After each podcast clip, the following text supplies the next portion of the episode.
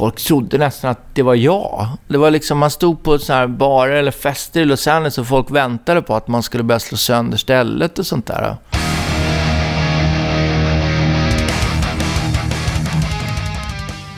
Du lyssnar på avsnitt 51 av Rockpodden. Varmt välkommen!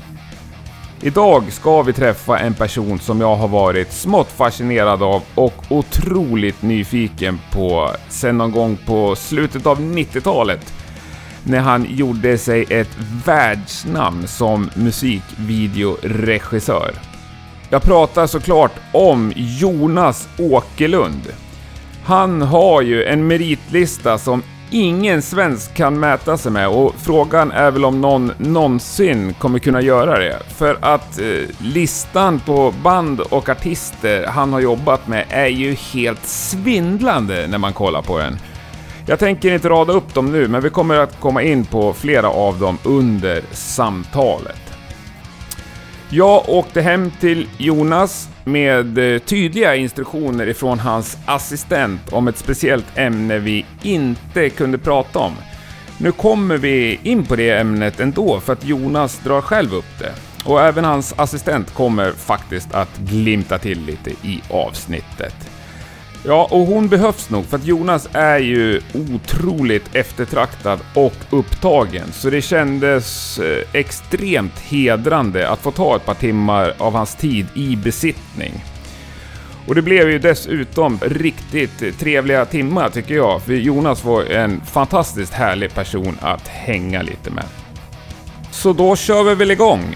Det här avsnittet är inspelat den 21 augusti 2017. Jonas Åkerlund är dagens gäst. Jag heter Henke Branneryd och jag önskar dig en god lyssning. Idag har jag den stora äran att sitta hemma hos Jonas Åkerlund. Tja. Tja! Vilket jäkla hem! Ja, Ja, vi behöver inte berätta vart det står, men vi kan ju säga att det är sjukligt coolt i alla fall. vad trevligt. Ja, Du är välkommen. Ja, tack. Jag vet inte hur jag ska beskriva det riktigt, men det är någon slags blandning mellan en teater och en kyrka och en bar och ett otroligt mysigt vardagsrum liksom. Och ett kontor. Och ett kontor. Ja, ja svinhäftigt. Ja, Lite sådär som man kan förvänta sig att du bor. ja vad bra. Det är lite Ja, vad bra. Hollywoodstjärna-boende liksom.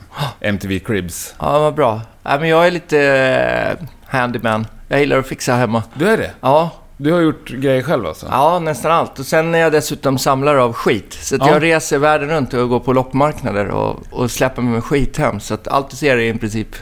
Det är så? Skit. Det är ingen flashig inredningsarkitekt som har gjort det? Nej. Ja, då blir det ju ännu häftigare såklart. Ja. Ja. Men det, därav eh, den ruffa patinan. Ja, det är sjukt ruff. Jag önskar att det vore video. Ja.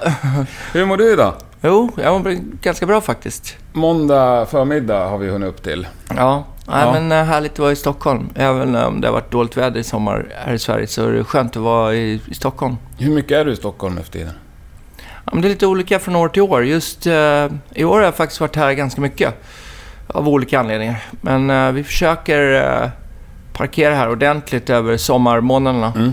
Och eh, ja, men sen det vanliga, sen jul och såna här grejer. Mm. Men det blir lite olika från år till år. Men jobbar du någonting i Stockholm eller är det semester för dig? Alltså det är ganska lite jobb för mig i Sverige överhuvudtaget. Ja. Eh, ja, det har egentligen varit det länge. Eh, på sekunden jag eh, började jobba i USA så avtog eh, jobbförfrågningarna från, från Sverige. Eh, tyvärr, eh, jag kämpade ganska länge för att eh, skrika högt att jag bor kvar och att jag finns tillgänglig och sådär. Men eh, det, det blev inte så. Och nu är det lite sådär... Eh, lite sådär. Man är, Ja. jag vet inte... Jag vet inte riktigt vad för typ av jobb jag skulle göra i Sverige längre. Jag har tappat kollen lite grann. Mm. Så att det är mest utomlands. Mycket Frankrike, mycket England och skitmycket USA. Då. Mm. Men är det här ditt hem ändå? Eller har du flera hem runt om i jorden? Ja, man kan säga att vi har två egentligen. För att vi... Jag bor ju i Sverige och är svensk, Mm. men... Eh, sen har vi ett hus i Los Angeles också för att vi jobbar så mycket där. Mm. Jag bodde på hotell och hyrde hus och sånt alldeles för länge. Mm. Eh, och sen bestämdes för att fixa ett riktigt ordentligt hem. Så att vi har ett hem där också. Så ser ungefär likadant ut som det här faktiskt. Coolt. Ja. Men kidsen, går de i skolan i USA och sådär? Två av dem i USA och två av dem i Sverige. Okej. Ja. Men du är ju en flyttbar man. ja, jag är ju senare i blodet så Ja. det, det är inget konstigt. Härligt. Ja. Men hur ser din vecka ut då i Sverige? Eh, den här veckan, just den här veckan så sitter jag på Chimneypot som ligger borta på i Gamla stan. Eh, och håller på att göra färdig min nästa långfilm. Som har tagit eh, ganska mycket tid och vi har gjort post-production här i Sverige. Det är därför jag har varit ganska mycket här i Sverige på Okej. sista tiden. Eh, så det, det är en kul vecka för att vi är väldigt nära slutet. Så det känns jättebra. Härligt. Ja. Och när förväntas en premiär på den? Eh, om du frågar mig så är det innan årets slut. Om du frågar producenterna så eh, tror jag de vill det också. Men Ja. de vill hitta ett perfekt läge. Så att eh, det är lite tråkigt att prata om när man inte har ett releasedatum. Så att, eh, men de... Nej, jag hoppas faktiskt. Vi har ett momentum och filmen känns aktuell. Inte för att historien kommer gå ur tiden. Tvärtom, den känns som den bara växer och växer. Men... Nej, och sen är det väl bara jag. Nu är man klar, nu vill man få ut Mm. den liksom. Jag jag har hunnit göra en massa andra projekt eh, redan sedan dess. mm. Eh, så det går lite, lite i ett sådär. För du jobbar väl både med sjukt långa projekt och liksom många lite kortare? Ja, och sen överlappar de varandra. Ja, jag förstår. för att eh, de tar lite för lång tid en del och jag är alldeles för eh, ängsligt lagd för Mm. att inte jobba. Mm. Men sen har jag gått tillbaka till musikvideos lite grann faktiskt sista eh, tiden. Eh, vilket var ganska kul. För att Mm. jag har gått in och ut i det där länge och, och varje gång jag gör en musikvideo så tror jag att det är den sista, sista någonsin. Okej. Men eh, nu har det varit jättekul faktiskt eh, på sista tiden. Eh, gjort mycket olika typ av musikvideos och, och det har varit kul faktiskt. Vilka har du som är på väg där? Ja, den som kom ut faktiskt typ i, bara häromdagen var Queen of the Stone Age. Jaha, Som... eh, jag har inte hunnit sett. Men... Nej, det är inte så konstigt för att de har någon deal med iTunes. Så den ligger på iTunes i eh, en månad tror jag, eller något sånt där, innan den kommer ut på YouTube. Okej. Så då får man betala en spänn eller två för Ja. att se den. Men eh, det är det värt. Ja, Eh, eller det- också ska ja. jag visa den. Det ska, ja. Ska jag visa den? Schysst, kan få det gratis. Ja, det kan vara gratis. Schysst. Men hur, hur mycket frågor får du gällande musikvideos? Eh, ganska mycket faktiskt, men eh, En om dagen eller? bitvis. Ja. Bitvis. Men nu är det så jäkla många utav eh, de som eh, gör förfrågningarna som vet ungefär eh, vad jag håller på med och vad jag går igång på. Mm. Men sen är jag lite tråkig, för jag gillar ju mina gamla gubbs och framförallt mina tanter som jag har jobbat Mm. med länge. Eh, repeat business, Mm. som vi kallar det. De, de tackar jag sällan nej till. Så jag har ju liksom Beyoncé, jag har liksom Madonna, jag har liksom eh, Lady Gaga som jag jobbar med kontinuerligt. Ja. Och, och jag vet ungefär vad de håller på med och när skivan Mm. kommer och det börjar pratas alltid lite för sent men man är Mm. ändå lite beredd på det sådär. Mm. Och sen så blir det någon ny då och då sådär. Eh, och sen försöka göra någon sån lite mindre obskyr, oväntad grej också varje år. Mm. Ehm, så att, eh, ja, men jag tycker jag har ganska bra balans på det där och jag tycker fortfarande kul. Jag känner fortfarande att det funkar och eh, artisterna blir nöjda och mm, vi ser direkt på YouTube om det är många som kollar och Mm. vad folk tycker och sådär. Så det, det känns som att eh, det känns som fortfarande kul faktiskt. Men sitter du och kollar sånt fortfarande? Nå, lite grann faktiskt. Jag, jag har aldrig gjort det förut. Men Nej. nu har jag börjat kolla lite för att jag ifrågasätter varför man ska göra musikvideos. Så Ja. att, eh, för jag har alltid haft en anledning till att göra dem. Mm. I början så gjorde man det för att folk ville vara konstnärliga och tyckte det var ballt. Och sen ville man göra det för att sälja skivor. Och, och sen så gick det inte att sälja skivor mera. Då slutade man göra dem. Mm. Och sen så började man göra dem igen för att liksom promota artister och turnéer och sånt där. Och, och nu vet jag inte riktigt varför vi gör dem. Så jag försöker ta reda på vad vi håller på med. Men det är ruskigt mycket folk som kollar ju. Det är sjukt mycket folk Ja. som kollar. Jag har en 4-5 miljarder hits på YouTube. Ja, Så det är skapligt får man ja, det är säga. skapligt och det är, det är, det är kul Mm. att veta att folk tittar på ens Mm. grejer.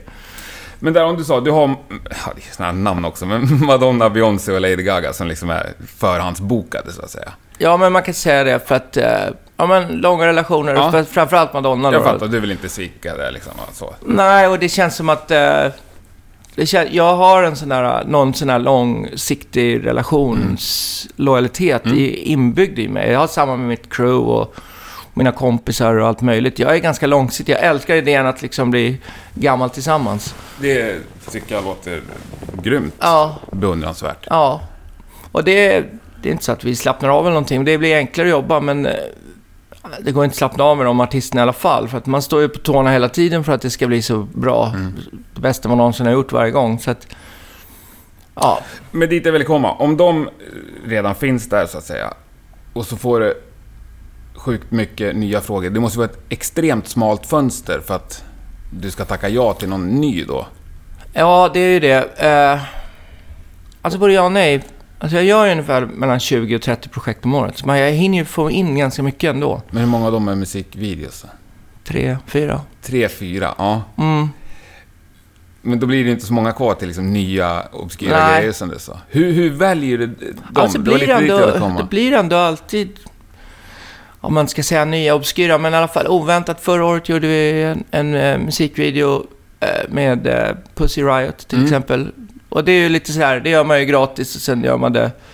Jag känner Nadja och vi pratar om det och så hittar man en tid som funkar så kanske man åker lite snålskjuts Mm. på ett större projekt och så får man till det liksom.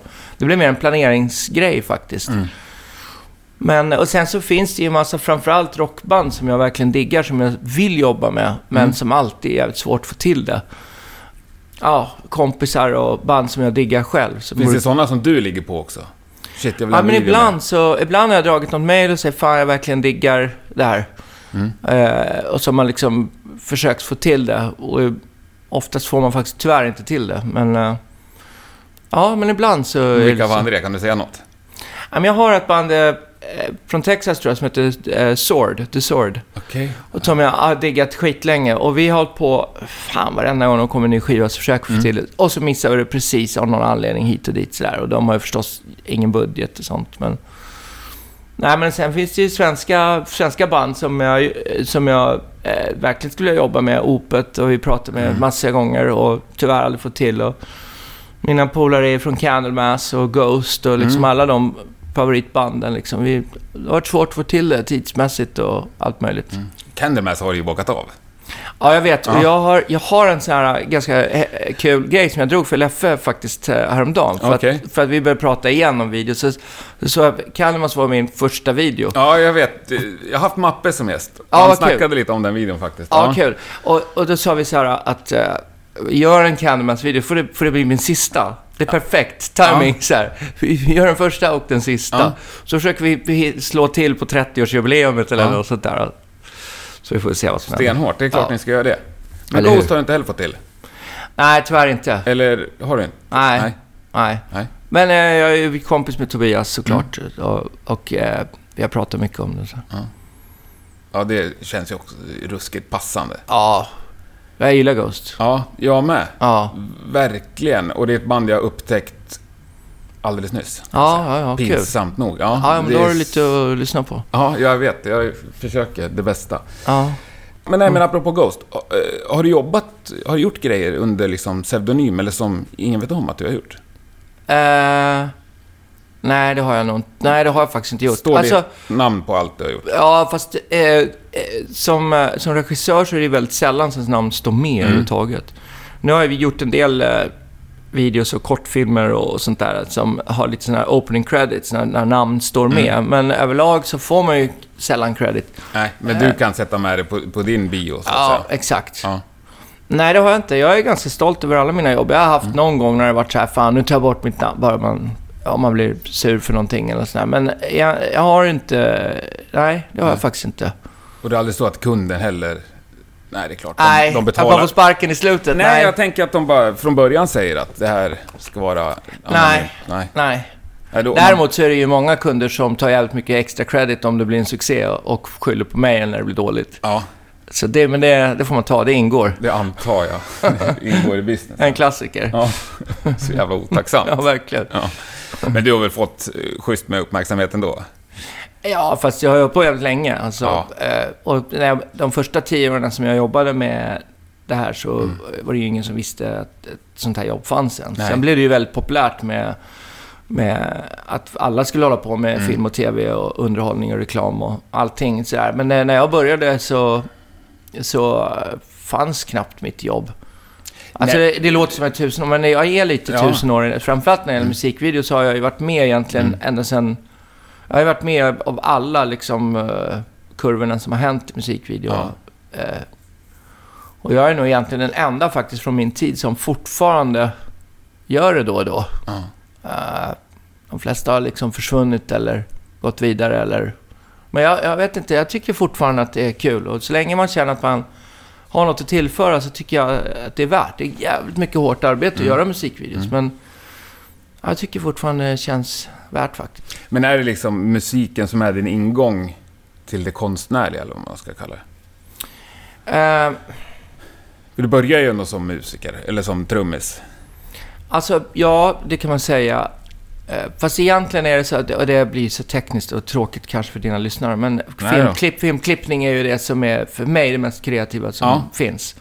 Ja, Och när jag stötte på det av en ren slump i, i livet så eh, då lämnade jag ju trummorna bakom mig direkt. Alltså det var ju, det var ju helt, eh, det var, ju- det var helt tveklöst. Jag visste knappt själv vad filmklippning var, utan jag fick någon sån här Rainman eh, eh, upplevelse att jag bara såg de här två skärmarna och den här maskinen. Det var ju gamla maskiner.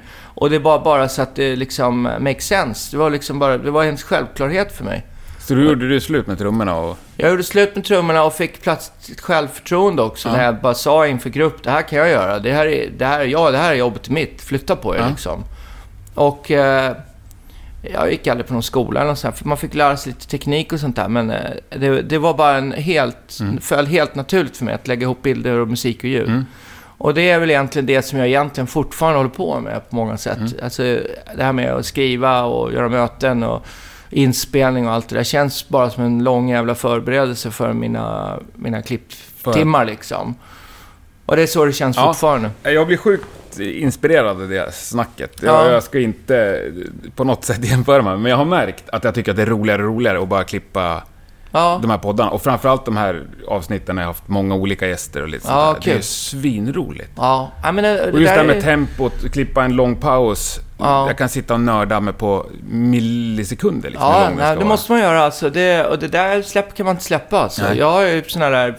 Vet, jag har kanske gjort eh, ett par tusen projekt. Mm. Och så här. Jag har några projekt som jag kan fortfarande tänka Mm. på för att jag slarvade med en, en grej liksom. Jag hatar sånt där. Så Ja. jag är jag är ju en pain in the ass för alla jag jobbar med på just när det kommer till klippningen. För att alla tycker ju vi, ganska tidigt att vi är klara och Mm. jag tycker att vi precis har börjat. Så jag pressar ju det där tills folk inte kan stå längre just i, just i klipparbetet. Då, då.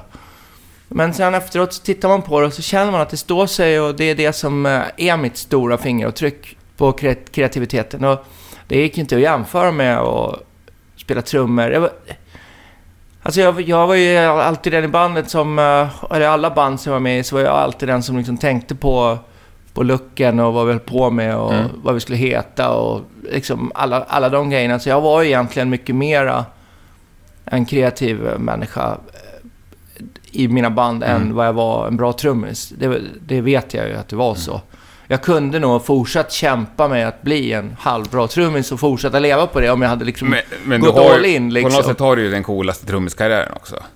Ja. Glida in, göra en platta och det är liksom... Ja, Alla vet kanske att det är Batherys första, men ändå. Och den har ju... Gör ju fortfarande avtryck. ja, alltså... du du jag, kan inte se en dok- hårdrocksdokumentär utan att den nämns. Nej, jag vet. Och, men jag, och jag, har, jag vet det. Och jag, jag är jävligt stolt över det. Eh, eller tycker att det är kul, ska Ja. jag säga. Eh, jag har aldrig tagit någon eh, credit egentligen för Battery. För jag har alltid tyckt att Ace var geniet i bandet. Ja. Och, det, och det står jag fast vid. Jag har, sen så tog det, för några år sedan så tyckte jag det var kul och framförallt efter han dog så tyckte jag det var kul att och prata om eh, de åren vi hade tillsammans. För jag tänkte att folk tycker säkert det är kul att höra. Men eh, annars så lämnade jag det där till, helt till honom. Och det var han... Jag och Fredrik eh, hade aldrig spelat med någon som honom. Och han hade mera input och idéer än någon vi någonsin hade träffat förut. Det var liksom... Eh, vi kom ju på namnet tillsammans och Freddan gjorde loggan och liksom, det var en massa så här, vi var ju liksom där och, och blandade de sakerna vi gillade då. Eh, fanns väl inget som hette black metal egentligen då, eller vi tänkte inte på det i alla fall. Nej. Men, eh, men så jag har egentligen aldrig tagit någon credit för det. Men, och sen så där, när jag började med, med film så tänkte jag inte på Battery på skitlänge. Ace hörde av sig någon gång då och då och kollade om man kunde eh, filma tillsammans. Mm. Och det, det är väl egentligen det enda jag ångrar i hela min karriär att jag inte gjorde en Bathory-video med, med Ace. Alltså Mm. det hade ju varit eh, fantastiskt. Och vi, Ja. vi var jävligt nära någon gång. Vi höll på, vi skulle flyga till Island och vi skulle göra det och det. Alltså vi hade alla möjliga eh, idéer. Mm. Men tyvärr så blev det aldrig av. Och det, det är den enda grejen som jag Trist. ångrar, Ja. ångrar faktiskt. Och nu är det för sent. Ja, och sen så, sen när han gick bort så ångrade jag också att jag inte hade haft mera kontakt med honom. Jag jobbade som fan och han var ganska skygg. Han var ju en skygg typ liksom. Det var inte sådär alltså man liksom e-mailar och håller kontakt och dricker bärs när man har tid liksom. Utan han körde sin grej och jag körde min grej. Så att, men eh, jag tänker ganska mycket Nej. på honom. Ja. Och sen, jag tänkte inte på Battery på äh, säkert tio år. Och sen började det komma tillbaks. Mm. Sen började liksom de här frågorna komma och... Och nu så kan väl både jag och Fredrik är nog ganska stolta över den lilla tiden vi hade. Och, Det tycker jag verkligen ni ska Ja. vara. Det är ju en... ja. Ja, men det... Ja, men sen så ser man äh, så här Battery t-shirts när man reser runt i jorden och Ja. folk med tatueringar och grejer så här. Det, ja. Och du kör ju, på din hemsida har du ju geten... ja, alltså det har ju blivit lite kul att ha den Ja. jätten. Plus att den ser cool ut. Ja, den är skitcool. Ja. Men är det du som har ritat den från början? Nej, den är tagen från en bok. Jaha. Alltså, och det där, det där har jag och Fredrik till och med eh, tjafsat om. För jag var Mm. helt säker på att han hittade den på biblioteket i en bok. Jag vet vilken bok det är. Ja. Eh, men eh, någon annan sa någonting annat. Så jag är lite osäker på var getjäveln kom från faktiskt. Men den var med tidigt. Vi hade, den, vi hade den när vi hette Countess Bathory innan vi bytte namn till Okej. Bathory. Så Ja. vi hade den redan då. Men du, om du är en samlare, har du Gula Geten-skivan? Nej, jag Har du ha, inte? hade den och gav den till Kirk i Metallica. Det är en story som är bättre än att ha kvar den Nej, faktiskt. jag hade gärna haft den faktiskt. Ja, men... Han har råd att köpa en egen. Jo, jo, det har han, men ändå, det är fint att ge bort fina presenter ja, också. Jo, det är klart. Ja. Det är klart. Coolt. Ja, Metallica har du ju... Eller jobbade du med dem senaste videon? Ja, vi, eh, vi gjorde ju grejer eh, skitlänge sedan. Mm. Började vi jobba tillsammans. Eh, undrar om den hette Garage Inc, den första Ja. plattan. När de gjorde en coverplatta, va? Bä- Bästa plattan tycker jag fortfarande. Ja, den är skitbra. Ja. Eh, eh, då började vi jobba. Eh, och sen har vi gjort lite saker till och från och så här. De är skitbra på att hålla kontakten Mm. och vi ses, de har varit här och partajat och allt möjligt. Men sen, I det här rummet. ja, Coolt. Någon ja. gång så... Någon gång för typ... Vad fan kan det vara? Ett halvår sedan eller något sånt där så ringde Lars och sa att... Ja, men vi ska göra skitmånga videos. Här är plattan. Mm. Välj. Du får göra en, du får göra alla. Gör vilka du fan du vill. Men det finns ingen budget. Du fick den så öppen fråga. Ja, Ja. och då, då var det ju ganska många bra låtar. Ja. Eh, och sen så sa jag, jag kan inte för att jag håller på att spela in en långfilm, så det blir inget. Eh, och sen kom jag på eh, den geniala idén att jag har ju skådespelare, eh, instrument och eh, de här skådisarna lär sig låtar, så då kan de väl lära sig en till låt. Så pitchade jag det för James och Lars och sa, vi kör här nu i Budapest, filmar de här skådisarna. Och de bara, ja för fan, kör. Och så gjorde vi det och det blev en jävligt förvirrande video eh, med eh, skådisar utklädda till Mayhem som spelar en Metallica-låt. ja. som eh, eh, fansen inte blir kloka på. Eh, Nej, det var ju ruskigt mycket när den kom, massa skriverier åt Ja. båda håll så att säga. Ja, men jag tyckte det var lite kul och det var precis det som var meningen med, med Mm. videon. Sen fick inte den låten riktigt lika mycket impact som några andra Nej. låtarna på plattan. Men jag tycker, jag tycker den låten är skitbra faktiskt. Man Unkind. Mm. Eh, och jag tycker videon, uh, deras låtar är så jävla långa så att man måste ha... Egentligen ska man ha liksom långa Mm. idéer som liksom går någonstans. Att göra en performance-video som är så lång eh, är svårt. Svårt. Men jag tycker ändå att uh, Men lite bra. där när man börjar känna att ja. det räcker, då, det är ju då det blir spännande i videon. ja, i och för sig. Jo. Men ja. den är ganska brutal alltså. Videon? Ja. Eh, ja. De här när han skär upp handleden-scenerna, det är ju Ja. snyggt, eh, vad ska man säga, Verkligen. verklighets... eh, Ja, det ser riktigt ut. Och, Ja. och sen uh, grishuvudena och sånt där. Men vi har ju haft eh, ganska tydliga referenser på eh, hur det klassiska, eh, historiska Mm. Jesse Heim-giget Mm. som Mayhem gjorde. Mm. Eh, vi hade ju de referenserna på hur det skulle Mm. se ut. Och Journey i Mayhem har ju sagt till mig att det var så där det såg ut. Mm. Det var nära liksom. Eh, så att eh, det på så sätt var det kul att det blev en Metallica-video. Och Metallica har ju alltid supportat den typen av band. Och, och James älskar ju Mayhem. Mm. Han tycker ju de är grymma. Så det var, det var kul. Men det jag tänkte på, det var inte något snack om att det var, skulle vara för brutalt och sådär? Eh, nej, Nej. nej. Får du någon som säger det till dig? Ja, alltså... Lugn Jonas. Det var ju förr i tiden så var ju allting eh, så. Ja. Det var ju censurproblem hela dagarna och jag blev någon slags svart får på MTV. Mm. Där liksom så fort de såg mitt namn så skulle de liksom granska sönder grejerna. Det var skittråkigt. Det blev superkompromisser hela tiden. Mm. Eh, men... eh, Samtidigt så bygger det ju ett varumärke lite. Ja, men det var tråkigt att varenda gång eh, behöva liksom...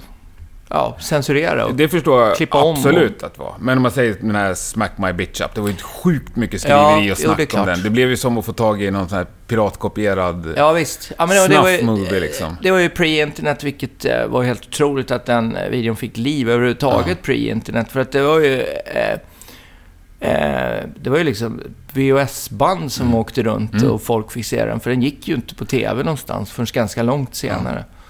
Nej, nej, men det, det är klart. Men det har varit på både gott och ont det där liksom eh, censurstämpeln. Men, men med YouTube så, eh, så blev det ju kul igen att göra videos. För att, dels för att formatet i sig själv eh, var, blev fritt helt plötsligt. Man kunde göra grejer som var 10 sekunder Mm. eller en kvart. Mm. Liksom. Det var, det var, plötsligt kunde man skriva på ett helt annat sätt. MTV var ju jävligt tråkiga. När man gjorde för långa videos klippte de av dem och sådana här grejer själva och sånt där.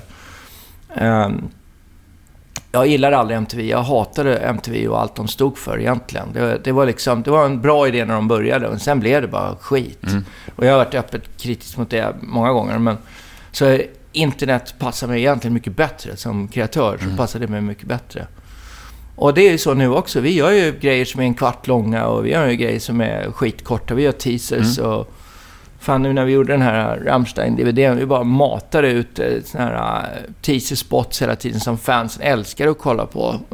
Så att det, är, det är kul att man kan göra små kampanjer Och eh, liksom. det, är inte en del av film, utan det är bonusmaterial som Ja, blir teasers. just det. Och det liksom. finns alltid bonusmaterial också. Ja. Nu blev Metallica-videon nästan som bonusmaterial från filmen, så det blev någonting Ja. annat. Men varje gång man filmar musikvideo så har man ju jävligt mycket material. Och jag försöker använda det så mycket Mm. det går.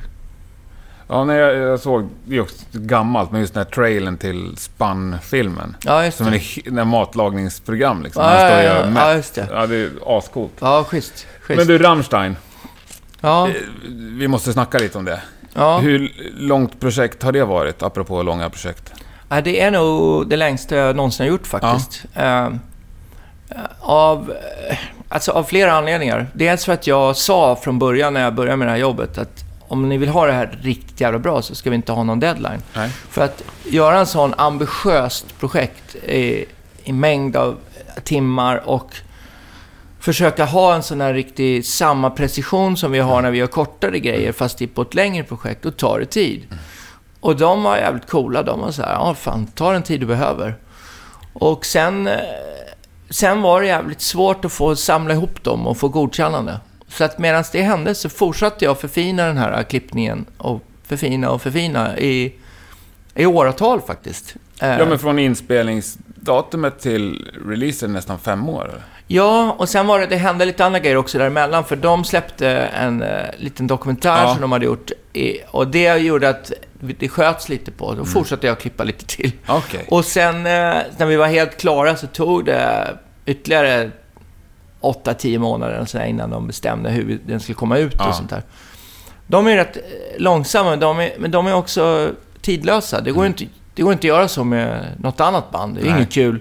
Det är inget kul för något band eller artist att släppa en grej som är 5-6 år gammalt. Men för Rammstein spelar det ingen roll. De är ju liksom tidlösa.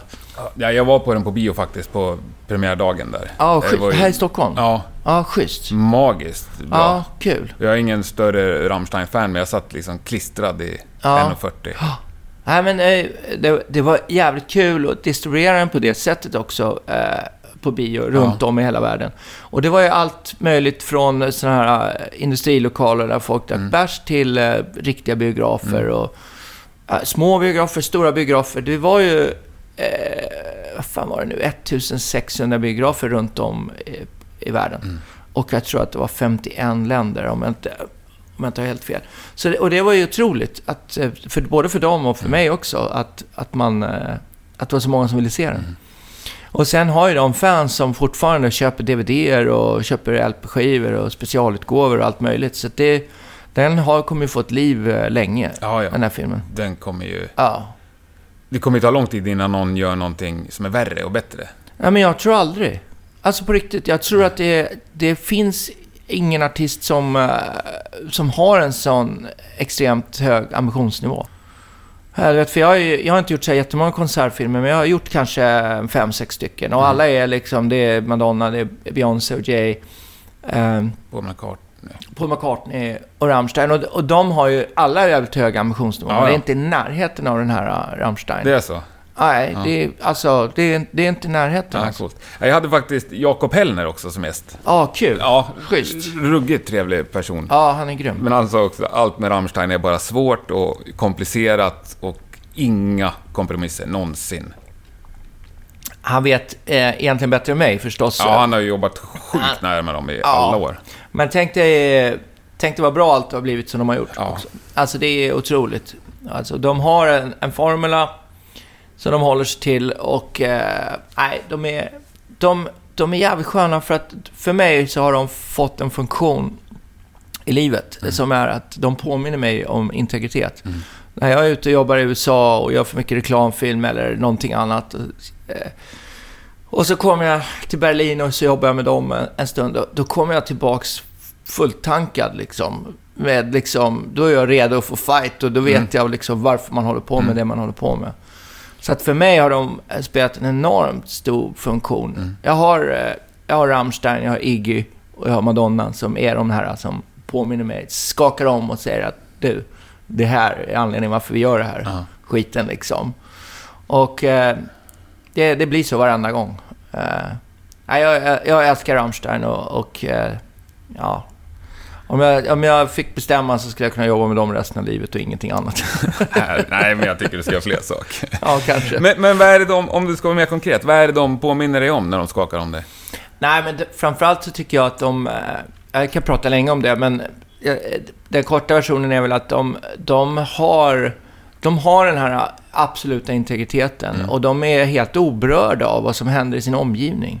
I USA tittar man väldigt mycket över axeln hela tiden. Eh, och efter en stund så börjar man göra det själv. Ja men typ så, hur många hits har vi fått och vad händer, vad tycker han och vad gör de? Åh nej, likadant som oss. Och du vet, man, är ängstlig, man blir ängslig. Och så kommer man liksom och träffar Rammstein, de skiter fullständigt i det. De har ingen aning om vad som händer, de bryr sig inte. Då allting de gör kommer från hjärtat. Ingenting kommer från signaler utifrån. Möjligtvis från historia, de älskar ju historia, Ja. historia. Och konstvärlden har de koll på liksom, och sådär. Men eh, annars så kommer liksom allt inifrån på något sätt. Och det är, det är få förunnat. Eh, och det vet jag, för att jag jobbar med många. Alltså det är, det är inte så många som har den totala integriteten. Och Iggy är likadant. Alltså Iggy är ju oldtimer nu, men han har alltid varit så. Han har alltid varit den som alla större rockstjärnor ser upp till. Mm. För att han har den där eh, integriteten och har den där grejen som alla Jo, men egentligen han, vill han ha. är lite så här som Lemmy också. Ja, Vad folk säger av ja jag verkligen. känner inte Lemmy. Men, Nej, verkligen. Nej, men äh, Lemmy var ju absolut sån. ja. Eh, helt klart. men du känns ju inte heller särskilt nervös av dig. Nej, det är jag inte. Fast, fast, man, fast jag har ju någon sån här inbyggd grej att grejerna som jag gör måste funka. Mm. Annars är det ju ett misslyckande för mig. Även om jag är nöjd så, så måste ju grejerna funka.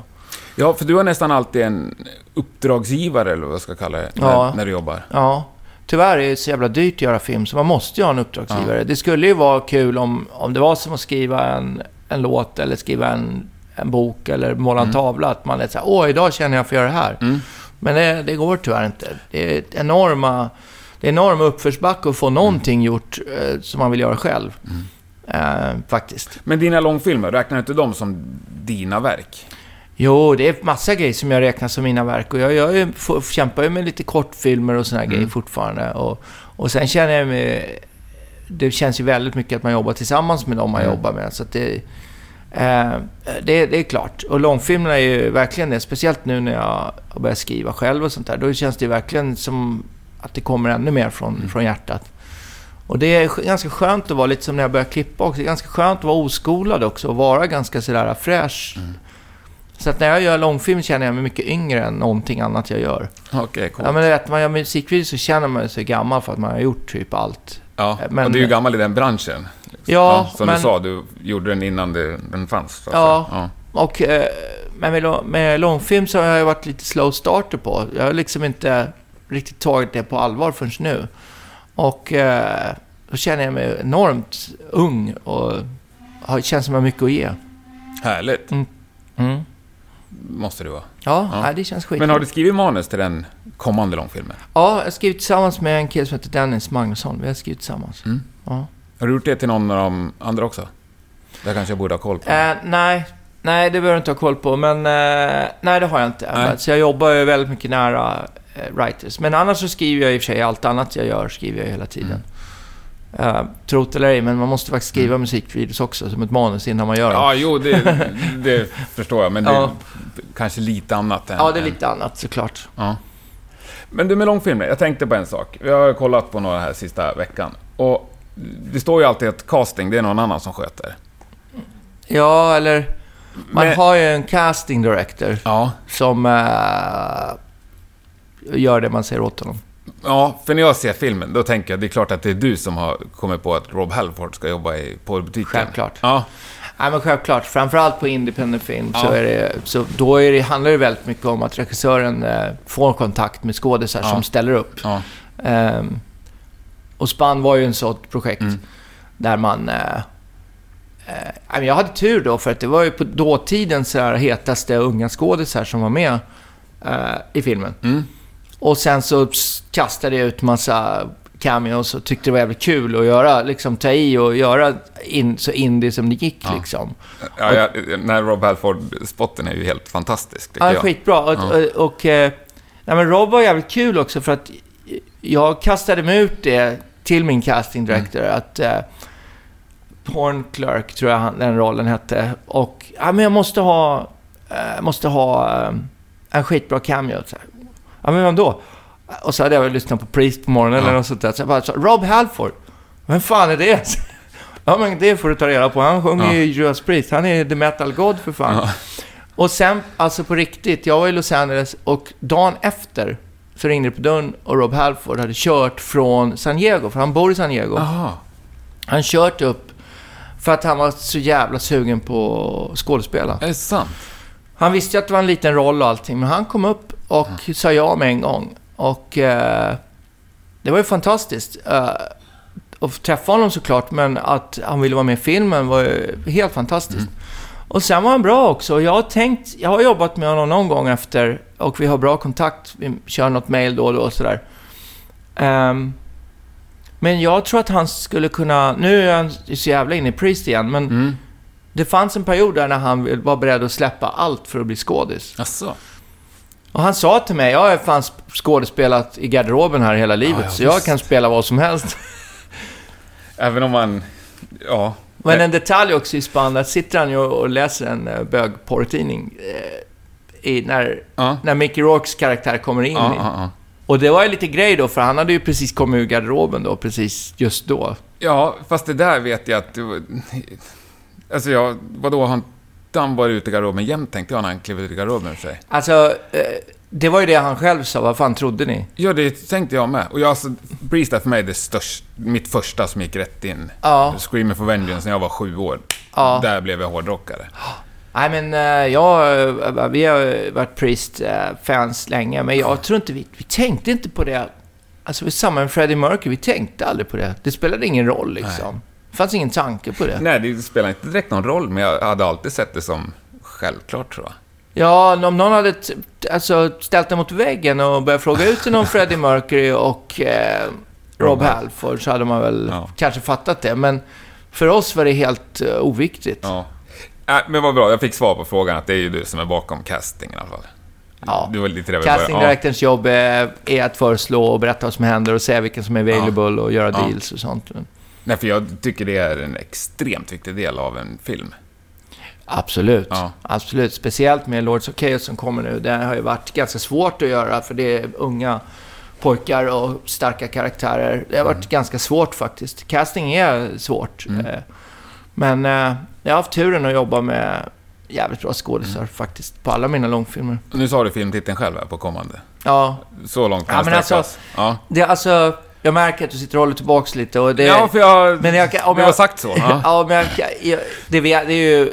Det vet ju alla att jag håller på att göra, Lords of Ja. Chaos. Och det, det som är tråkigt eh, är att prata om eh, projekt eh, innan eh, det är dags. Liksom. Och det har varit så, sånt enormt intresse runt filmen så att vi har sagt att vi lägger locket på tills vi har ett releasedatum och vet vad som händer. Och vi kan prata igen då, det är Mm. inga problem. Gärna. Och det finns massa kul att prata om när det gäller det projektet. Då kör Men- vi ett specialavsnitt kring då det. kör vi ett specialavsnitt, det är inga problem. Eh, men, eh, men, eh, men det har ju blivit känt att det står ju på IMDB och vilka skådisarna är och allting. Så, här, så det, det har ju varit svårt att hålla det hemligt och det finns ingen anledning egentligen att göra det. Det är bara att vi håller tillbaks på bilder och material och så här, Vi har ingen lust att... Vi har ju trailers och bilder och allting klart, men vi har ingen lust att börja köra ut dem förrän det är dags liksom. Nej. Det är många filmer som gör det misstaget att de pratar om sina projekt alldeles för tidigt. Sen när de väl kommer så Det är ingen som vill lyssna. då tror man att, de är, att det är Ja. en, en ny eller att Ja. en...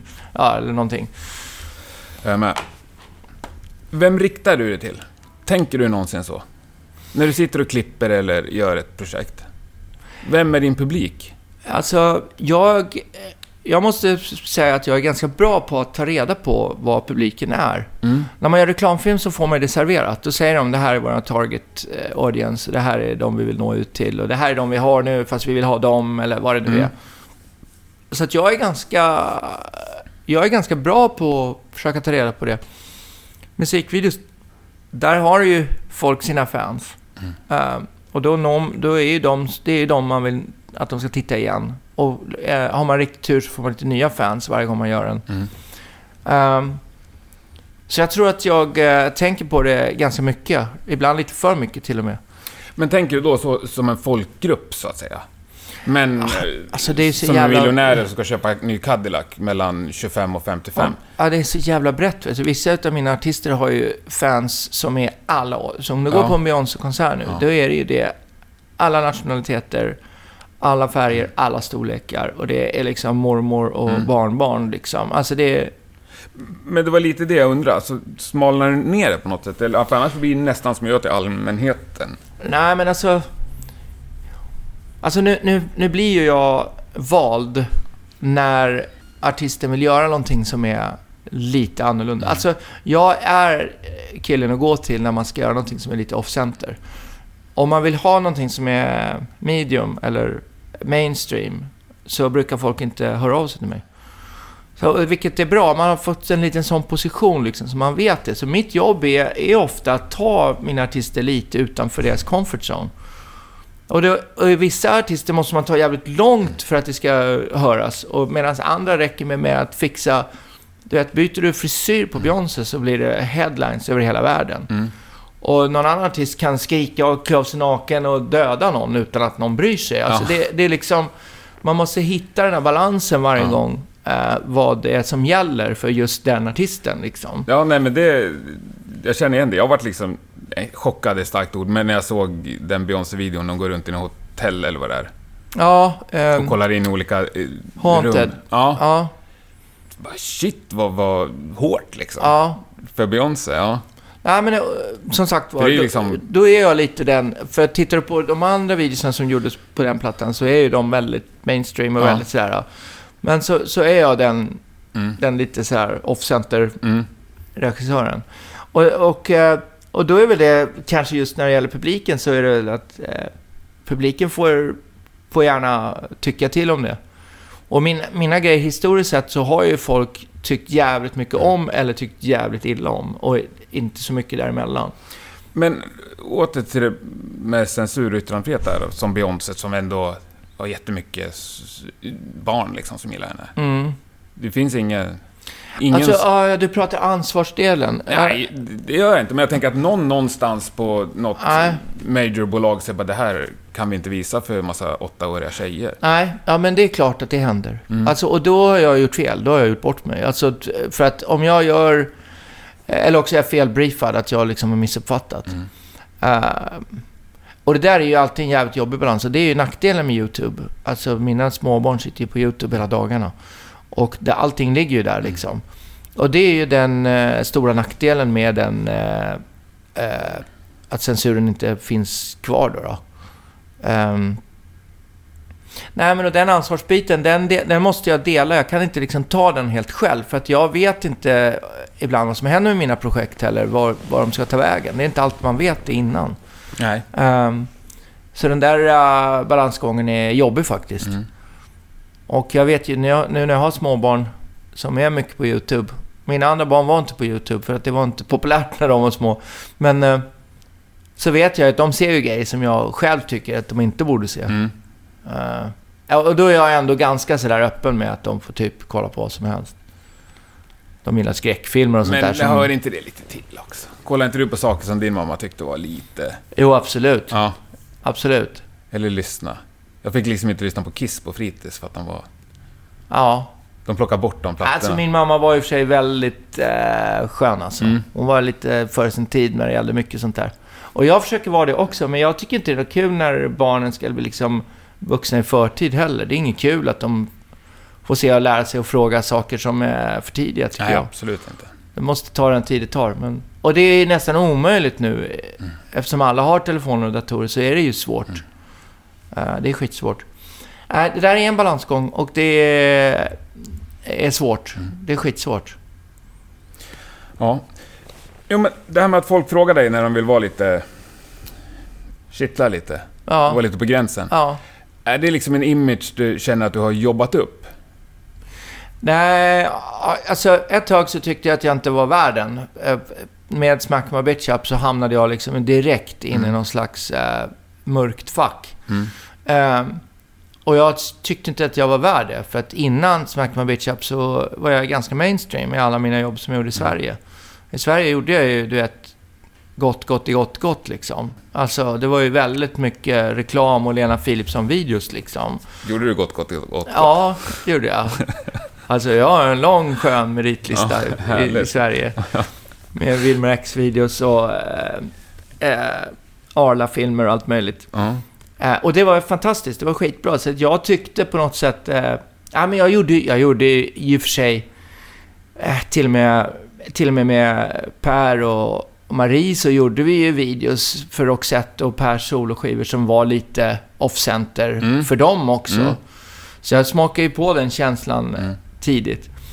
Och jag vet inte, jag tyckte väl, jag var väl alltid lite sådär även med mina reklamfilmer, att man pushade lite längre. Och jag, mm. tyck, jag tyckte då, och jag tycker fortfarande att det är regissörens jobb att göra det. Eh, mitt jobb i alla fall. Mm. Sen kan man ju vara sån utgörare som bara gör precis det som kunderna vill ha. Men det, jag var det även när, man, även när man gjorde de här svenska grejerna innan, så var jag det då också. Mm. Eh, men just när man kommer till USA så älskar de att sätta en i ett fack då, då så man hamnar liksom i så här, han är en sån, mm. den typen av regissör. Och det var ganska svårt att bli av med. Även, att, även om fast jag gjorde Smack My Bitch Up och Ray of Light som är en jävligt, äh, jävligt mainstream. Ja, den är ju väldigt snäll. Jag gjorde, jag gjorde dem samma år ja. och båda två blev stora hits. Mm. Um, så blev det ändå så att man blev liksom... Folk trodde nästan att det var jag. Det var liksom, man stod på så här barer eller fester i Los Angeles och folk väntade på att man skulle börja slå sönder stället och sånt där. Det var så pass? Alltså. Ja, men liksom bara, oh, wow, där är han. Smack my bitch up-killen liksom.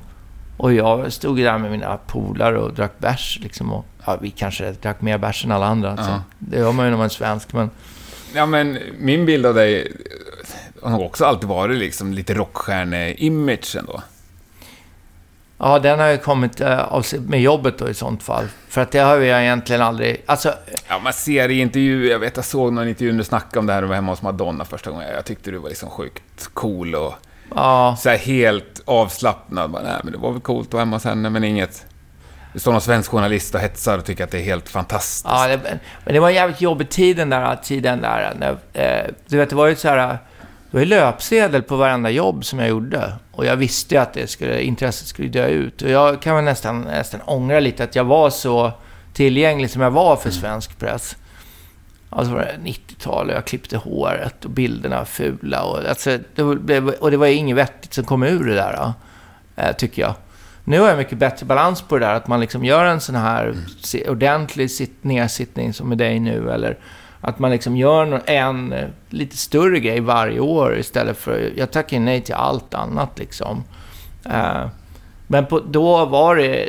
Det, var, det var ingen, blev ingen bra representant på mig faktiskt. Nej. Eh, nu är jag mycket bättre på att representera vem jag är och vad jag står för än vad jag var då. Ja. Men det är fortfarande lite... Jag tänker det är ju ruggigt många band som släpper olika spritsorter och öl och vin och sådär. Ja. Och där liksom hakar du på. Du kör din egen... I och för sig, Ja. absint, det är också stenhårt. Ja. Nej, men det, det, det, jag, har, jag har alltid velat göra en absint och när, eh, när vi började prata med det här eh, så var det bärs, vin, så här, vad gillar du då? Och jag bara, absint. Ja, men vi har inte gjort någon absint, vi vet inte hur man gör en absint. Nej. Ja, men inga problem. Jag har ett schysst lager här, så jag har värsta baren här med olika absintsorter. Lite, testa lite. Men du dricker det på riktigt också? Ja, det har varit mitt Ja. poison länge faktiskt. Fast i USA, så, jag har en, sån, en, Grammy-fest varje år eh, runt Grammys. Ja. Då har jag en absintbar. Eh, amerikaner är ju skitdåliga på att dricka, så de blir vrålpackade. Ja. Och det är alltid lika kul. Folk gör grejer som, som, du vet, som vi gjorde när vi var 14 där på Ja. den festen. Ja. Det är skitkul. Ja. Eh, och sen har det liksom blivit eh, lite min grej. Och eh, så tog de fram de här, Nils Oskar tog ju fram den här Mm. absinten som är helt godkänd, 68 procent. Och den smakar ju rävgift, men den sitter riktigt bra alltså. Ja, jag har bara kommit till rävgiftprocessen. Jag har aldrig fått tillräckligt mycket för att den ska sätta sig. Nej, men, eh, Men du dricker den inte rent? Jo, det gör jag faktiskt. Jag drack den senast igår, i förrgår faktiskt, drack jag den eh, hos en kompis ute på landet. Ja, okej. Då körde vi den rent. Ja. Men eh, sen kan man hålla på med sockerbit och liksom göra små drinkar av den också.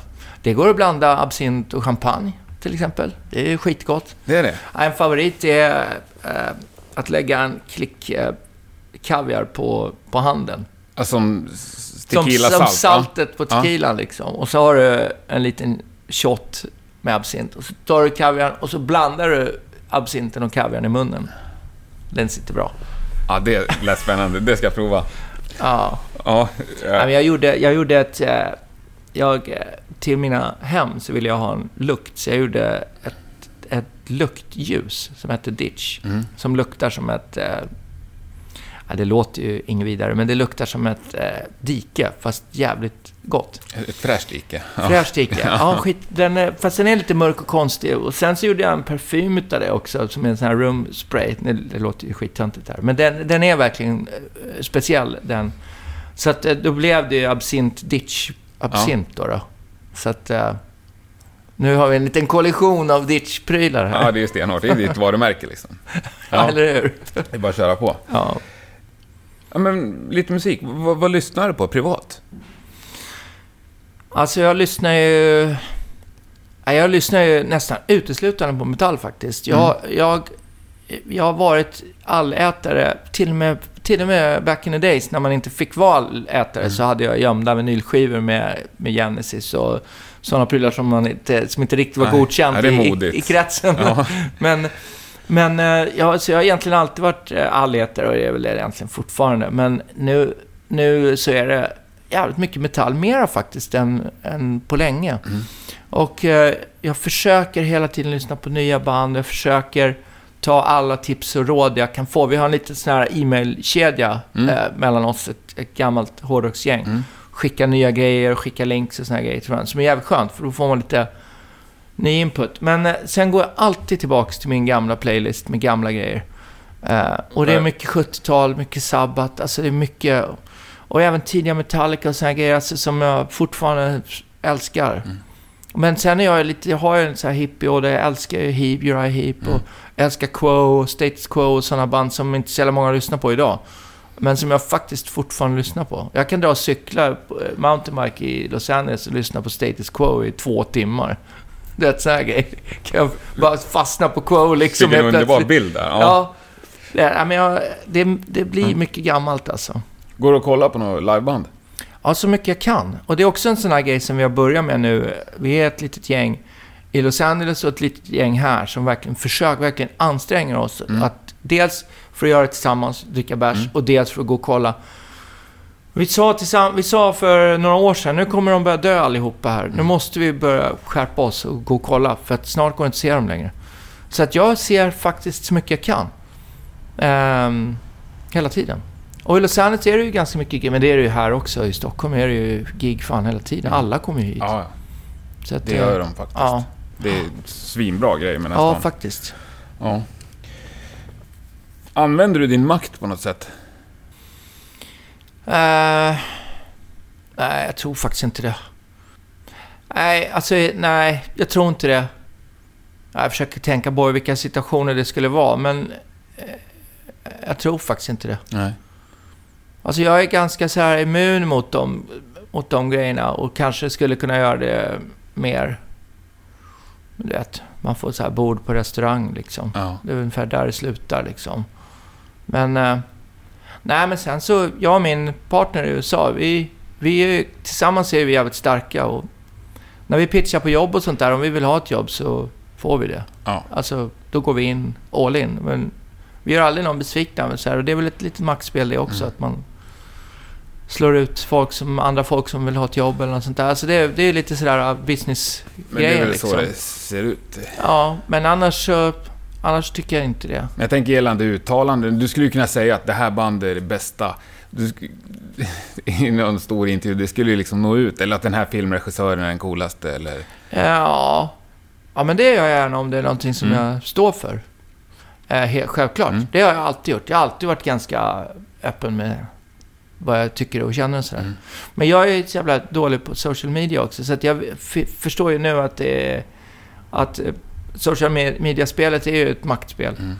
Eh, och det är inte på regisidan tror jag, så är det inte så mycket så. Men det är jävligt många som får, har lättare att få jobb när man har mycket followers och, och är aktiv Mm. på social media. Eh, och jag är, har aldrig riktigt hookat på den grejen. Nej. Du kör lite Instagram har jag sett. Ja, men alltså... Det var någon som övertalade mig att testa lite, så jag har testkört lite några månader nu. Mm.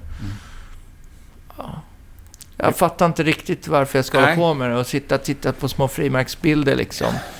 Men... Eh, jag känner... Jag tänker som, som följare, liksom, det, det kan vara kul att se så här, små ögonblick i din vardag eller coola prylar du är med om. Eller, Ja, du la upp någon skön selfie med han den Small Apartments eh, Ja. skådisen. Matt Lucas. Ja. Ja. men det här, det, det, det är min lilla testperiod Ja. Nu. Ja. ja, men det, jag hade ju noll följare och har väl en 10 000 nu, så det gick ju ganska fort Mm. liksom. Och, och jag har ju sjukt mycket bra bilder och, som jag Mm. kan lägga upp. Mm. Eh, så jag kanske ska köra lite och se om det, om det leder någonstans. Jag får se om du tycker att det ger dig något. Liksom. Ja, om det tar lite tid det där också, så Ja. blir man beroende av det också. Ja. Jag bör, bör kolla vilka som ger mest likes. Ja, nej. Eller hur? Ja. Men du, du är ju sjukt produktiv. Och har liksom alltid varit det. Ja. Som du säger, 30 projekt om året och- det är inga små prylar. Nej. Hur pallar du? Vad, får du energi ifrån? Ja, det är en bra fråga faktiskt. Men det, det, det blir att för mig är det... För, för mig, jag får otroligt mycket energi av att, att vara i produktion. Mm. Så fort jag inte är i produktion så, så går jag ner i energi som fan. Eh, då blir jag på gränsen till slö. Mm. Men när jag liksom är upp, när vi håller på och kör och vårat, vi är en ganska stor apparat med mycket folk. När vi liksom är igång så är det jävligt lätt att haka på ett till jobb och Mm. ett till jobb och ett till jobb. Och sen när man är inne i den så har man eh, mera energi faktiskt än vad man har när man inte är igång. Ehm, nej, men sen så går man, jag går igång på förfrågningar. Jag tycker det är kul när någon faktiskt vill betala för att man ska få göra film. Jag älskar att göra film, jag tycker det är skitkul. Jag älskar att skriva, jag älskar inspelning. Resorna blir jobbigare och jobbigare ju äldre man blir, fast de är fortfarande helt okej liksom. Och vi gör det vi måste göra.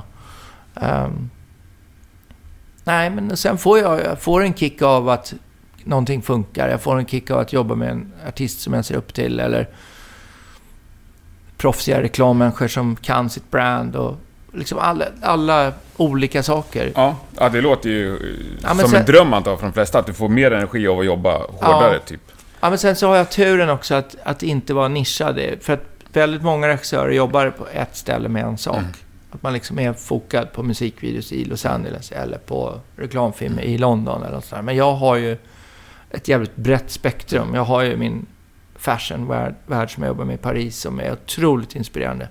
Jag jobbar med reklam över hela världen och musik över hela världen. Alltså reser till olika ställen, olika typer av kunder, olika kulturer, olika sätt att jobba på. Det är också jävligt inspirerande. Ja, det kan jag Ja. verkligen förstå. Ja, Låter lite som en dröm. Jag vill inte störa men du har inte så mycket mer tid. okej. Eh, För klockan är nästan halv. Oj. Du måste vara på Kinnevik. Ja, men vi kör en kvart till då, eller? Är det okej för dig? Ja, det är helt okej för Du mig. får ta med din lunch till Kinnevik istället. Ja, det kan jag. Äta där. Ja, det kan jag. Ja, det, det är en bra idé. Skönt att ha någon som har Ja. koll på en. Ja, måste. Men hur mycket har du koll på din kalender och hur mycket har din assistent? Nej, alltså det är flera som har koll på min kalender. Men eh, jag brukar eh, vara bra på eh, en vecka framåt ungefär. Så du har koll på vad du gör på fredag? Ah, nu börjar jag få koll på, på fredag. Och så kommer jag för sent till dig också, vilket jag skäms över. För att jag, och det, det, nu pajar ju det eh, nästa, Nästa grej. grej. Ja, men jag fick ju sitta här i ditt vardagsrum och vänta så det är lugnt.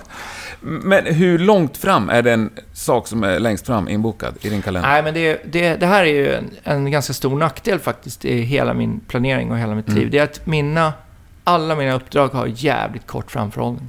Okej. Så att i, i princip kan man säga att min kalender är alltid proppfull två, tre veckor framåt. Sen är det tomt. Så ser det nästan alltid Så in på ut. nästa år har du ingenting? Nej. Nu har, nu har jag lite långfilmsgrejer på gång och då ändras allting. För då vet man. Eh, då vet man liksom att till våren ska vi spela in långfilm. Det, Mm. Men eh, det är bara långfilmsgrejerna. Alla andra mina projekt händer eh, nu. Liksom, de, de ringer och vi, du har tre dagar på dig att skriva, sen filmar vi, sen ska vi klippa.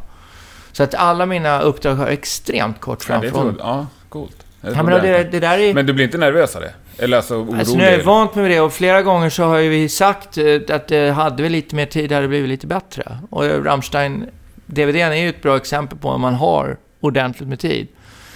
Eh, och eh, det- det förvånar mig ganska ofta för att artister tar ju egentligen så lång tid på sig som de vill för att spela in sina plattor.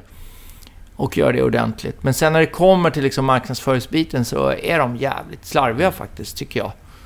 Eh, och det kostar ju pengar och sådär, liksom sprätter iväg pengar på saker som inte är helt hundra liksom. Så att den där tiden är... Ja, den är men den är både på gott och ont, för att ibland är det jävligt skönt också att bara gå rätt in i och sen är Ja. klar. För ibland när man sitter och övertänker grejer så blir det inget bra heller. Men jag tänker, du hinner aldrig bli orolig att här, oj, tänk om ingen mer ringer? Du är arbetslös om två Ja, månader. det är man ju alltid. Alltså det är ju är sämst. det fortfarande på din nivå efter alla år? att va- Att vara kreativ, eh, frilansande Mm. eh, människa är det sämsta man kan vara. Det är jävligt stressigt. Nej men på riktigt. Mm. Alltså jag, både jag och min partner i USA, vi är så här, det är över. Ja, det var ju bra. Det är så We had a good run. Ja. ja, men det är så hela tiden. Ja, Typ. men hittills verkar det funka. Ja, det känns inte nej, men jag, att- jag, jag har säkert lite mindre stress nu än vad jag hade förut. Men, Ja. eh, men man, eh, man vill ju jobba. Mm. Man vill vara uppskattad och man vill att ens grejer ska funka. Liksom. Mm. Men du som är jävligt uppskattad och prisbelönt i massvis. Har du någon som eh, är din liksom, kritiker, någon nej-sägare omkring dig? Ja, självklart. Ganska många. Alltså, dels så har jag ju... Eh, dels har jag mitt crew som jag jobbar med, som, som alltid är en diskussion eh, om... Eh, med production designer eller med kläder eller med vad det än är, så, så är det alltid att man liksom pushar varandra. Mm. Och sen så har man ju på, en, på den större nivån så har man ju eh, publiken. Vi vet ju nu svart på vitt om grejerna funkar eller inte. Mm. Funkar de inte så har jag gjort fel. Även om jag tycker det är skitbra så har jag gjort fel. Eh, eller tänkt fel. Men det, det, det finns några grejer som man inte riktigt kan rå på. Det är jävligt mycket med timing också. Man inte, som man inte kan planera eller rå på. Det finns ju många som tror att de kan det där med timing, men det går inte. Det är helt omöjligt. Och det är vad som händer och vilket, vad, vad intresset är nu och andra grejer som kommer ut samtidigt. Och du vet, väder och vind ungefär. Alltså det är helt Ja, ja. omöjligt att planera timing. Ja. Ehm, nej, men annars så... Nej, men jag och jag och min partner som jag jobbar med i Los Angeles, vi är, vi är väldigt raka med Vi har ingen rollspel alls mot varandra. Men jag tror inte vi har det. Och jag och min fru jobbar tillsammans jättemycket också. Vi har noll rollspel liksom. Vi, det går inte att jobba då alltså. Nej. Alltså som regissör sitter man ju på bestämma positionen fast jag vill inte alltid ha den. Jag vill, jag vill, vill veta. Mm. Eh, och folk som inte vågar säga till mig, de jobbar inte med mig. Det går Men, inte. men jag tänker att det är ganska svårt att hitta de människorna. Ja, det tar ju tid alltså. Och det, det har ju tagit en livstid att få ihop mitt Ja. det här crewet. Och ibland så faller de ju av. eh, Folk blir äldre, folk blir sjuka, Mm. folk pallar inte. Alltså det, det händer grejer. Men är du en sån som alltid säger nej till folk om du tycker nej? Ja, absolut. No matter om det är Madonna liksom. Ja, ja, absolut. Ja, det spelar ingen roll. Från första dagen? Eh, ja, det måste jag säga. Ja. Eller nej, jag säger vad jag tycker. Jag säger det där är inget bra, det här kan bli bättre. Alltså det, det, det, det måste jag göra, för annars gör jag inte mitt jobb. Så det måste jag göra. Eh, Nej, det, och, och det kanske låter naturligt, men jag tänker att det är svårare att genomföra. ja, jo, När man sitter men- med Paul McCartney i en soffa. Ja, nej, men man behöver inte alltid vara överens. Och, och, och sitter man med Paul McCartney i soffan så förlorar man ju argumentet om han vill. Ja, men jag, jag har ju fortfarande inte gjort mitt jobb om jag inte säger vad jag tycker. Nej. Och eh, han skulle inte vilja jobba med mig om inte jag sa vad jag tyckte. Nej. Då finns det ingen anledning. Så att eh, det är klart att... Eh, nej men sen är, sen är vissa, när man jobbar med mindre artister så kan man ju utnyttja sin maktposition och köra över dem och säga att jag har fel. Men jag vill inte riktigt det. Jag behandlar egentligen mina småartister likadant som jag gör med Paul McCartney. Alltså att jag lyssnar och tar in och Mm. försöker liksom bemöta. Och, och, och tycker jag verkligen någonting starkt så då säger jag ju det. Schysst. Men förutom eh, Battery eller Ace, eh, har du någon... Det är ju svindlande liksom namnen på din meritlista. Med Mm. Stones och Beatles och Iggy och Mm. ja, alla. Liksom, har du någon kvar att bocka av där? Alltså det finns ju alltid, finns ju alltid artister som man hade velat jobba med. Eller som man vill jobba med. Mm. Nu är det ju flera av dem som man hade velat jobba med som har gått bort. Mm. Tyvärr. Ehm, men egentligen inte. Jag känner mig faktiskt jävligt nöjd. Mm. Eh, allting, allting som jag gör är egentligen jävligt mycket över mina förväntningar på vad det här skulle bli. Så att jag var nöjd för ganska länge sedan faktiskt, när det gäller den grejen. Men eh, sen så vill man ju alltid ha kreativa utmaningar och gå vidare. Och det hade varit jävligt kul att jobba med Michael Jackson eller David Bowie eller någon annan. Eh, och tyvärr så blev det aldrig Sabbath som eh, hade varit min eh, dröm att göra. Jag har jobbat Mm. med Ozzy. Ja, Men, eh, nästan. men liksom original Sabbath-setupen som känns som att den, den fortfarande finns till och Mm. med.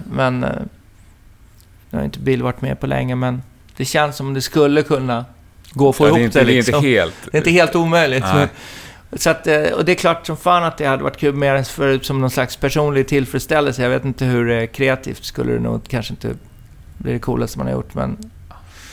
Men, eh, men en artist som Michael Jackson som hade sån jävla ambitionsnivå Mm. på det han gjorde visuellt. Det är ju drömmen Mm. för en som mig. Att jobba med en artist som har en sån ambitionsnivå. Och det har Madonna också. Det är det som hon har gett mig. Men var det någonsin nära med Michael Jackson? Ja, vi fick faktiskt eh, några samtal. Jag var i Sverige när han ville ses på Neverlands och eh, kunde inte komma förrän några veckor senare och då var det någon annan som gjorde det. Men eh, skitsamma, det, så var det ju. Då Mm. fick man ju förfrågningar hela tiden. Mm. Men, nej, men och Prince hade jag också självklart gärna velat jobba med. Så det, det är Ja. klart, men... Eh, Men eh, svindlar det till för dig när någon av de här killarna ringer eller mejlar? Nej, alltså egentligen är jag... Det, det låter kanske helt osannolikt, men alla jobben är för mig likadana. Mm. Eh, Och det köper jag, men jag tänker ändå äh, att du ser att Michael Jackson har mejlat dig. Liksom.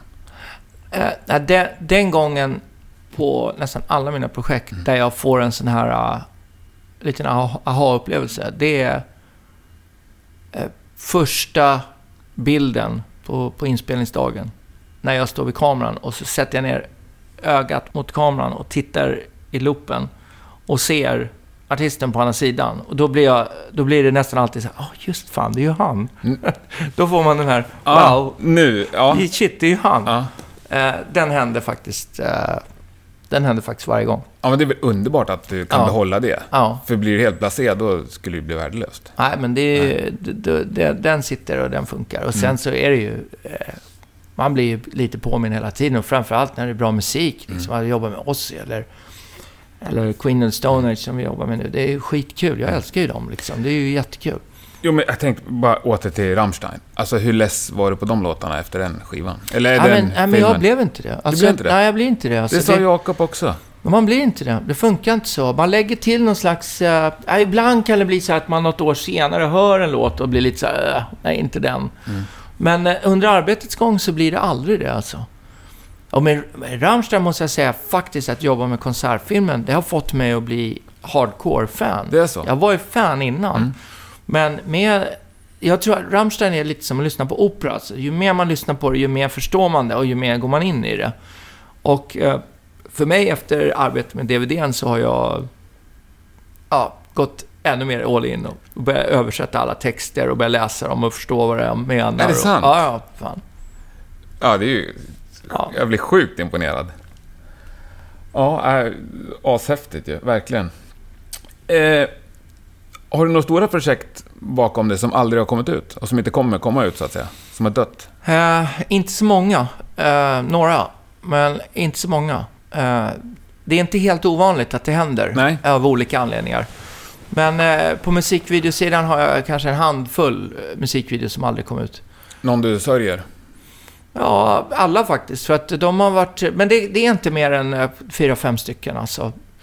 Eh, jag har ett par Maroon 5-videos som jag har gjort som jag tyckte var riktigt bra, men som tidsmässigt var fel. Eh, vi hade ju en stor grej med American Life med Madonna som var att den hamnade i papperskorgen för Mm. att eh, Amerika gick in i krig samma vecka vi skulle släppa videon. Nu kom den videon ut senare. Mm. Eh, men då hade den tappat sin kraft. Men det, alltså det händer ju saker som man inte rår på Mm. eh, ibland. Eh, men eh, det, är, det är lite så det funkar. Och på reklamfilm kanske jag också inte har mer än en handfull. Så det är inte så mycket som eh, många andra har faktiskt. Ja, vad skönt. Ja.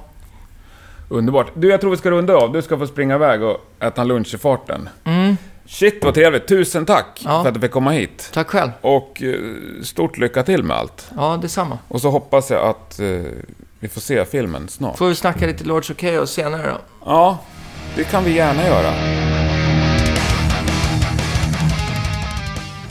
Det där var vad jag och Jonas hann med att snacka om. Stort tack för att du har lyssnat och stort tack Jonas för att du tog dig tid. Eh, jag ser redan fram emot det där nästa avsnittet som vi snackade om. Till skillnad från Jonas så finns Rockpodden på flera sociala medier. Vi kör både med Facebook, Instagram och Twitter. Vi heter Rockpodden på alla ställen. Sök gärna upp oss där och eh, kommentera eller fråga eller tyck. Vi tycker extremt mycket om all form av lyssnarkontakt. Nästa vecka är vi tillbaka som vanligt på torsdag. Om allt går som det ska så bryter vi mansdominansen och släpper in en stenhård kvinna i Rockpodden. Det ser jag verkligen fram emot. Hoppas innerligt att vi hörs då igen.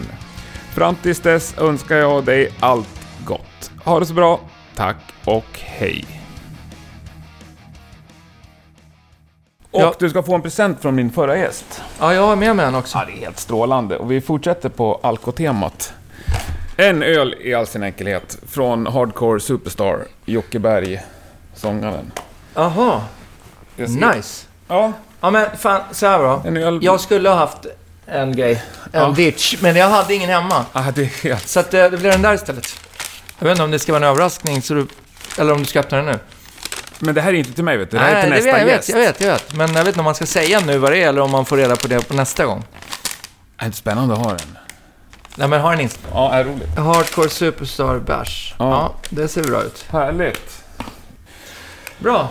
Den här åker direkt i kylen. Ja, härligt. Ja, den ska drickas. Här står det Rammstein. Kylen. Ja, jag såg det. Ja. Men jag hade bara en sån här ditch kvar. Ja. Den, den ska vi ha på fest här i helgen. Så att... Eh,